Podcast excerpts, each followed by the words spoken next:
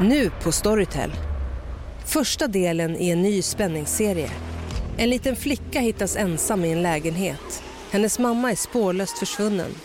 Flickans pappa misstänks för brottet men släpps fri trots att allt tyder på att han är skyldig. Olivia Oldenheim på åklagarkammaren vägrar acceptera det och kommer farligt nära gränsen för vad hon i lagens namn tillåts göra. Lyssna på När allt är över av Charlotte Al-Khalili på Storytel. Hej Sverige! Apoteket finns här för dig och alla du tycker om. Nu hittar du extra bra pris på massor av produkter hos oss. Allt för att du ska må bra. Välkommen till oss på Apoteket. Big Mac har miljarder fans över hela världen. Under mer än 50 år har den skapat popkulturell historia. En legend med 100% nötkött och den mytomspunna såsen. Nu finns Big Mac för bara 39 kronor på McDonalds.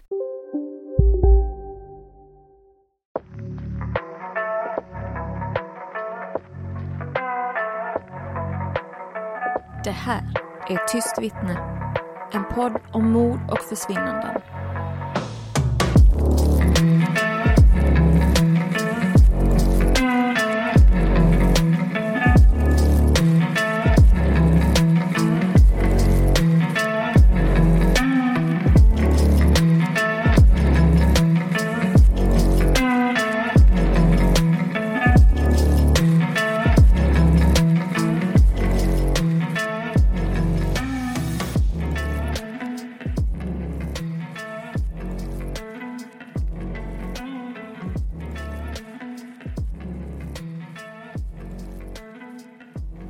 Och välkomna tillbaka till Tyst vittne, en true crime-podd. Idag blir det med mig, Alex. Jenny kunde tyvärr inte vara med idag. Men nästa vecka så får ni höra hennes ljuva stämma igen. Så vad har jag varit då de senaste veckorna? Jag har haft ganska mycket i skolan. Jag går ju en skådespelarutbildning och vi har haft en föreställning som faktiskt gick jättebra. Och det var så roligt att få lov att stå på scen. Upp. Sen blev jag såklart helt galet sjuk. Och jag var ganska orolig för att jag skulle missa min resa till Los Angeles, men jag blev frisk precis innan som tur var. Så att jag åkte ju till Los Angeles. Nicole hälsar förresten till allihopa. Och jag kom hem eh, tidigare den här veckan. Jag fick uppleva Venice Beach, Santa Monica, Hollywood och mycket, mycket mer. Bland annat Halloween. Men nu är jag tillbaka och jag tänker att vi kör igång dagens avsnitt. Vi fortsätter med del två i fallet om Gabby Petito. Förra veckan så publicerade vi del ett, där Jenny berättade om Gabby och Brian. Så in och lyssna på det för er som missat det. Och för er som inte minns alla detaljer kommer här en kort sammanfattning av fallet om Gabby från del 1. Det här är ju ett fall som har varit ganska så stort i media. De flesta av er har säkert redan hört talas om vissa detaljer. Gabby som vid den tiden, 2021, var 22 år gammal hade åkt på en roadtrip i en van som hon hade köpt och som hon ägde. Hon hade med sig sin pojkvän Brian som då var 23 år gammal. Gabby dokumenterade deras resa och hela världen kunde följa deras liv på sociala medier. Paret såg lyckliga och förälskade ut och Brian friade under resan. Gabby sa ja. På ytan såg allt perfekt ut fram tills att Gabby en dag helt upphörde sin nära kontakt med sin familj och vänner. Hennes konton på sociala medier slutade uppdateras. Den sista kontakten som hon hade haft med sin familj var via ett sms den 30 augusti. Den 11 september 2021 då anmäldes hon försvunnen av sin familj. De hade förgäves försökt få kontakt med hennes då fästman Brian och hans familj. Samma dag som de anmälde henne försvunnen fick de veta att Brian hade återvänt hem till sina föräldrar i Florida i Gabbys van, men utan henne. Detta hade skett redan den första september, alltså tio dagar tidigare. Brian hade även skaffat sig en advokat. Jag fortsätter nu med tidslinjen så Gabis familj anmälde alltså henne försvunnen den 11 september. Det de inte visste då, det var ju att han hade återvänt den 1 september till sin egen familj, alltså sina föräldrar. Hans föräldrar och han hade sedan åkt på en semester tillsammans mellan den 6 och 8 september. Det kan man ju tycka är lite märkligt när ens fästmö är försvunnen. Kanske också märkligt att man inte kontaktar hennes familj och säger att jag vet inte var hon finns. Den 16 september så läste Gabys familjs advokat upp ett brev från familjen där de vädjade i media till Brian och hans familj att hjälpa till och medverka i sökandet efter Gabby eftersom detta inte var någonting de gjorde. De uppgav bland annat Tell us if we are even looking in the right place. Jag tror att Gabbys familj kände på sig att Brian visste var Gabby fanns. Och de hoppades väl någonstans på att han eller hans föräldrar skulle liksom kunna vä vägleda dem till om de faktiskt letade på rätt platser. Den 17 september hände sedan någonting som ingen förväntade sig.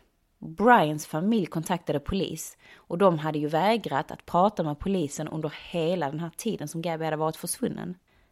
Anledningen till att de kontaktade polisen var för att anmäla Brian försvunnen. De hade inte sett honom sedan den 14 september då han tydligen skulle gå ut och vandra. Området han skulle vandra i var The Carlton Reserve i Venice, Florida. Så polisen startade upp ett sökande i området. Samtidigt som det här sökandet så sökte man ju fortfarande efter Gabby, för henne hade man ju inte funnit än. Henne sökte man efter i Grand Teton National Park. Det var där hon senast hade uppgett för familjen att hon befann sig. Fallet var nu väldigt stort i media och människor överallt försökte hjälpa till för att försöka hitta Gabby. Bland annat ett par som hade varit ute och vandrat och campat i samma områden som dem, alltså som Gabby och Brian. Kvinnan i paret gick igenom sina videofilmer och i en av filmerna i området kring Grand Teton National Park kunde hon se en vit van som liknade den som Gabby ägde. Vanen stod parkerad vid en grusväg och den var nersläckt och stängd. Paret kontaktade FBI och berättade var man hade sett den här vanen och sökningar startades i området. Den 19 september så hittade man mänskliga kvarlevor i det här området. Kvarlevorna överensstämde med Gabby. Den 20 september så plockar man in Brians föräldrar för förhör på polisstationen och man utför även husrannsakan i deras bostad. Den 21 september så konstaterar man att kvarlevorna man funnit är efter Gabby. Och här är det ju fortfarande os oklart kring vad det faktiskt var som var dödsorsaken ju. Man ska ju göra en obduktion och utreda vidare.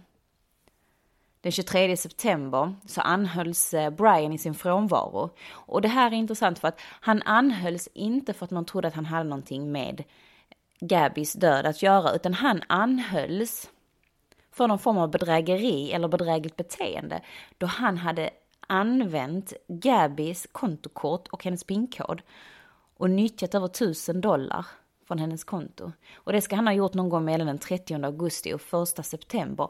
Och den perioden mellan den 30 augusti och den 1 september är ju den perioden när man tror Gabby försvann.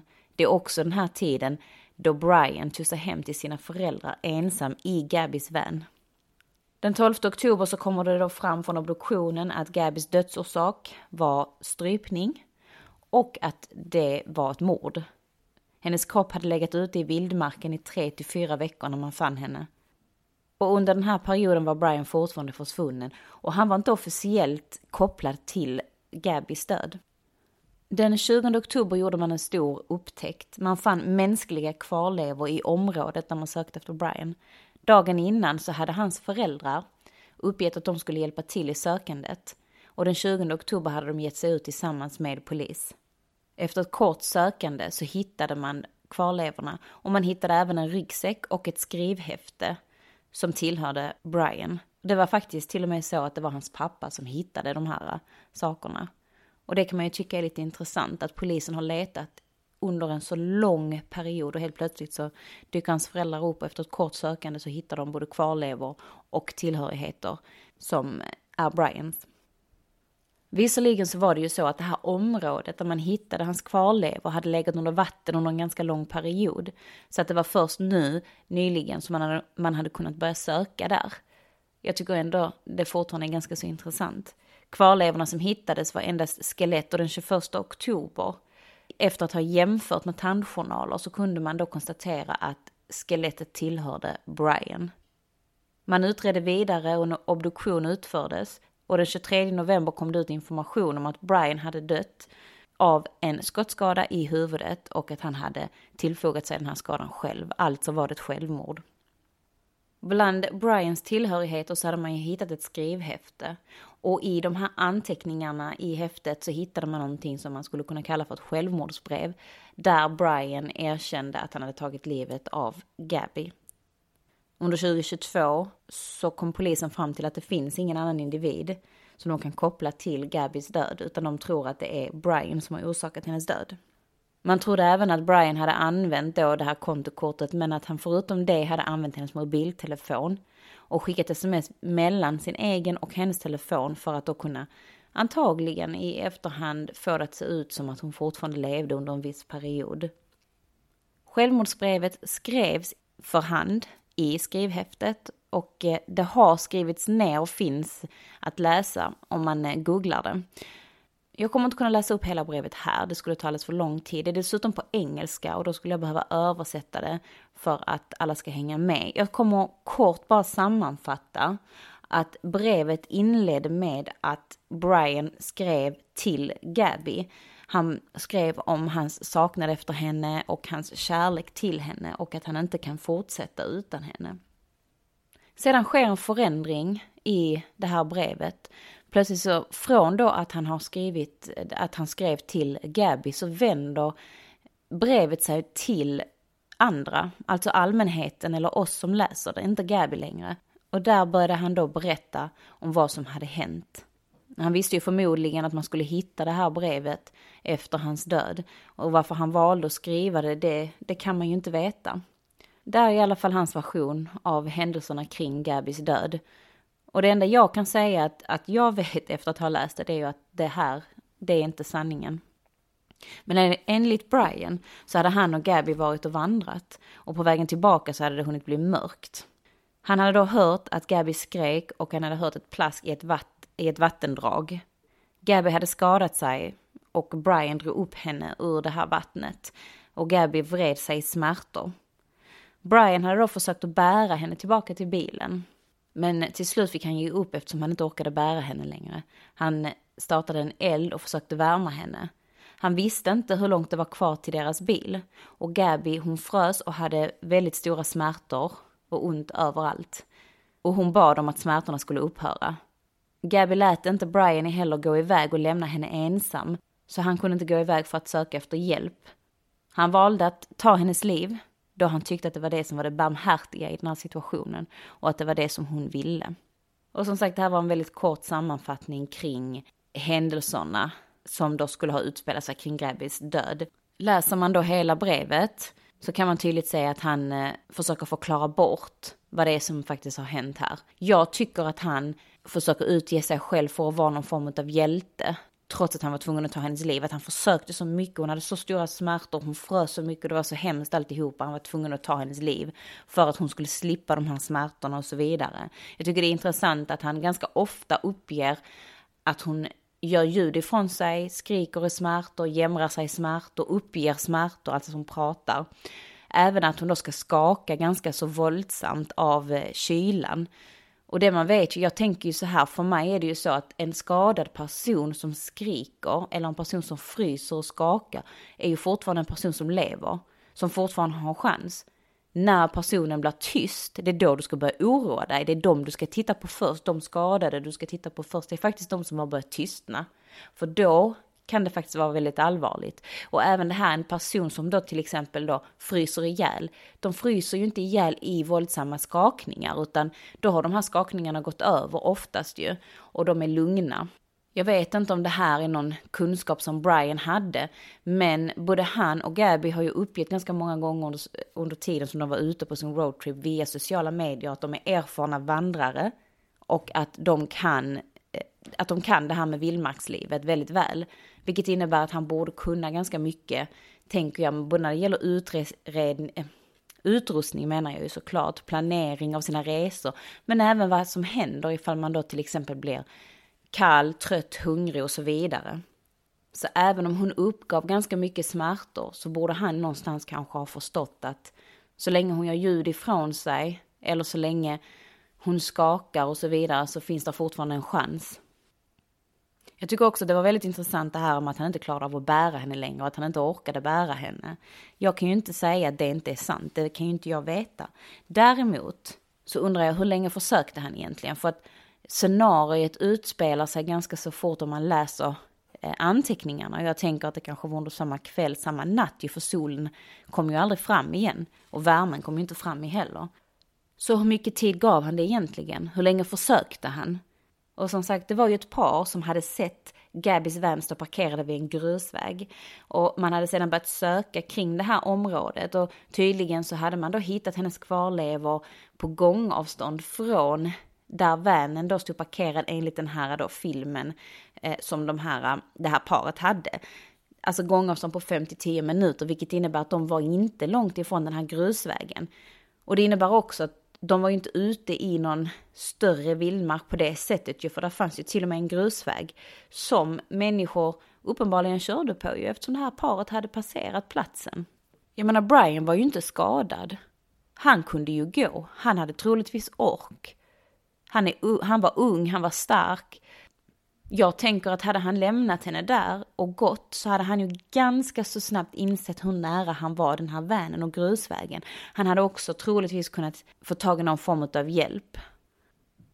En annan intressant sak i det här brevet är ju att han skrev det i början som dåtid. Han skrev om sin kärlek, han skrev om att de hade varit ute och vandrat och, de skulle, och så vidare. Och sen när han då började berätta om självaste omständigheterna kring hennes död, då ändrar sig texten till nutid. Och sen ändrar det sig tillbaka till dåtid när han går från att berätta om omständigheterna kring hennes död till att berätta om, om andra mer generella omständigheter, till exempel att de hade varit på en plats innan det här hände, vilken plats det hade varit och så vidare. För att sedan återgå till nutid när han börjar berätta om omständigheterna kring hennes död. Alltså hur hon då hade stora smärtor och hur han var tvungen att ta hennes liv och så vidare. Jag tänker ju någonstans att när du ändrar från dåtid till nutid och du ska berätta om en sån sak så är det precis som att man hittar på det under tiden man berättar det. Men jag kan ju ha fel. Men jag vet inte, vad tycker ni om det? Jag tycker det är en ganska intressant grej. Gå in och läs brevet på, på nätet. I förra veckans avsnitt så berättade ju Jenny om polisens fordonsstopp, alltså de stoppade Brian och Gabby i deras bil ute på vägarna efter att någon hade ringt till polisen och sagt att Brian hade slagit eh, Gabby. Hon sammanfattade kroppskamerans video för er.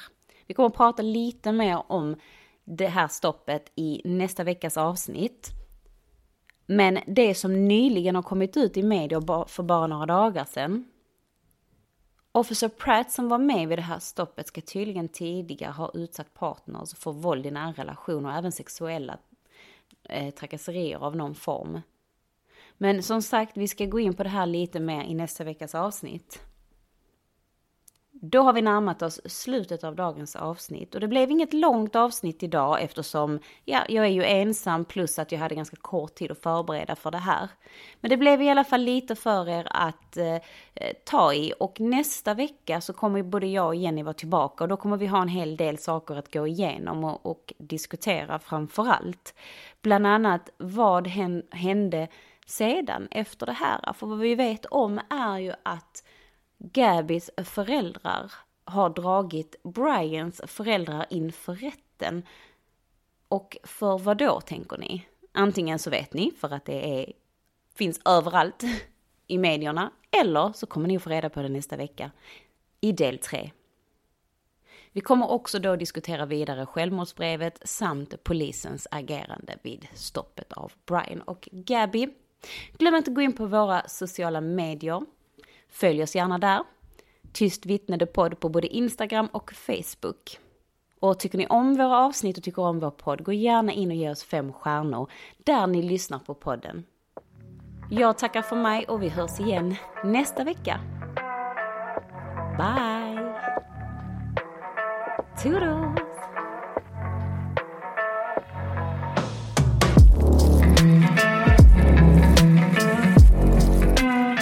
Henne sökte man efter i Grand Teton, Teton. Alltså... Uh. Det här kommer ta tid att klippa ihop.